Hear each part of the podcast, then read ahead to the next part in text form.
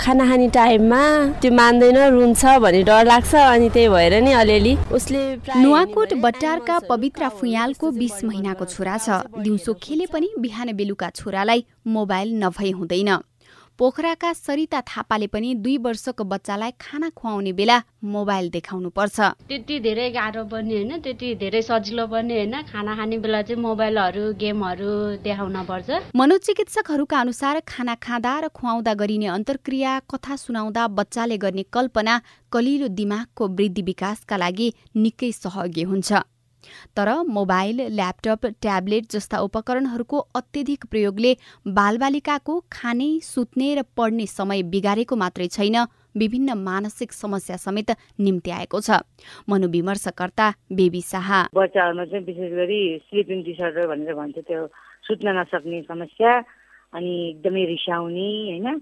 चर्किने खानामा पनि समस्या हुने पढाइमा त झन् ध्यान नै नलाग्ने पढ्नै नमान्ने एसियाकै देशमा को हेर्दाखेरि पनि भने नेपालमा पनि हामी कहाँ आएको केसहरू पनि प्रायः त्यस्तै छ पढ्न मन नलाग्ने चाहिँ एकदमै बढी छ र रिसाउने झर्किने। अनि अर्को कुरा चाहिँ केही भनेको कुरा कसैले केही भनिहाल्यो भने त्यसको रेस्पोन्स नै छैन भन्नाले संवेगहरू पनि त्यो प्रकारको हुनु पनि खालि त्यसमै एकरो जस्तो कि पुरै यो त कोकिन खाएको भन्दा पनि बढ्ता जस्तै भइसक्यो कि? हिरोइन कोकिन खाने जुन ड्रग एडिक्टहरू हुन्छ नि लागु पदार्थ औषधि दुर्व्यसनमा लागेका ठ्याक्कै त्यस्तै हिसाबले गइरहेको अवस्था देखिन्छ। बालबालिकाहरू चौरमा जम्मा भएर खेल्ने विभिन्न खेलहरू हिजो आज हराइसकेको छ। उनीहरू घण्टौं मोबाइलमा गेम खेल्ने गर्छन्। बाहिर उज्यालो चौरमा उफ्रने दौडने गर्दा शरीर चुस्त हुनुका साथै दिमाग पनि स्फूर्त हुन्छ। प्रत्येक दिन कम्तीमा एक घण्टा विभिन्न किसिमका कसरत र खेल बच्चाहरूको उच्चतम विकासका लागि अपरिहार्य मानिन्छ। शिक्षा क्षेत्रका एकजना अध्येता शान्ता दीक्षित उपकरणहरूको प्रयोगका विषयमा अभिभावक चनाखो हुनुका साथै सरकारले नीति नै बनाउनु पर्ने आवश्यकता देख्नुहुन्छ।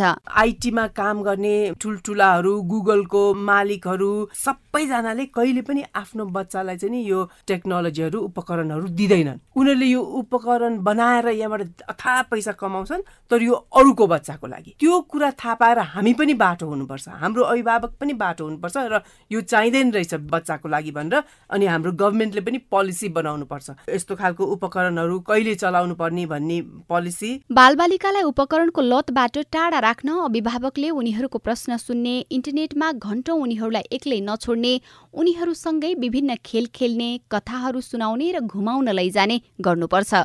बालबालिकाको क्षेत्रमा काम गर्ने एकजना अधिकार कर्मी कृति भट्टराई हन्ड्रेड पर्सेन्ट भन्दा बढी ब्रेन एक्टिभ भएर काम गरिरहेको अरू बेला हुन्छ भने त्यो चलाउँदाखेरि चाहिँ अब त्यो मेमोरीहरू बिस्तारै लस हुँदै जाने होइन? भर्चुअल चिजले चाहिँ उनीहरूको जति माइन्डले एब्जर्ब गर्न सक्छ त्यो क्यापेसिटी चाहिँ हराउँदै लैजाने त्यस्तो सिचुएसन हुन्छ। त्यसले गर्दाखेरि चाहिँ केटाकेटीहरूलाई अब मोबाइल दिँदा यस्तो चिजहरू दिँदाखेरि चाहिँ एकदमै केयरफुल हुनुपर्छ। इन्टरनेटले बालबालिकालाई नयाँ कुरा थाहा पाउन र गृह कार्य गर्न सघाउँछ। तर बालबालिकाहरूलाई दुई घण्टा भन्दा लामो समय मोबाइल फोन वा टिभी हेर्न दिन नहुने विज्ञहरू बताउँछन्। इन्टरनेट र विभिन्न उपकरणको अत्यधिक प्रयोगले बालबालिकाहरूलाई अभिभावक र साथीहरूबाट समेत बिस्तारै टाढा बनाउँदै लगेको छ। गीता चिमोरिया सिआइएन काठमाडौँ।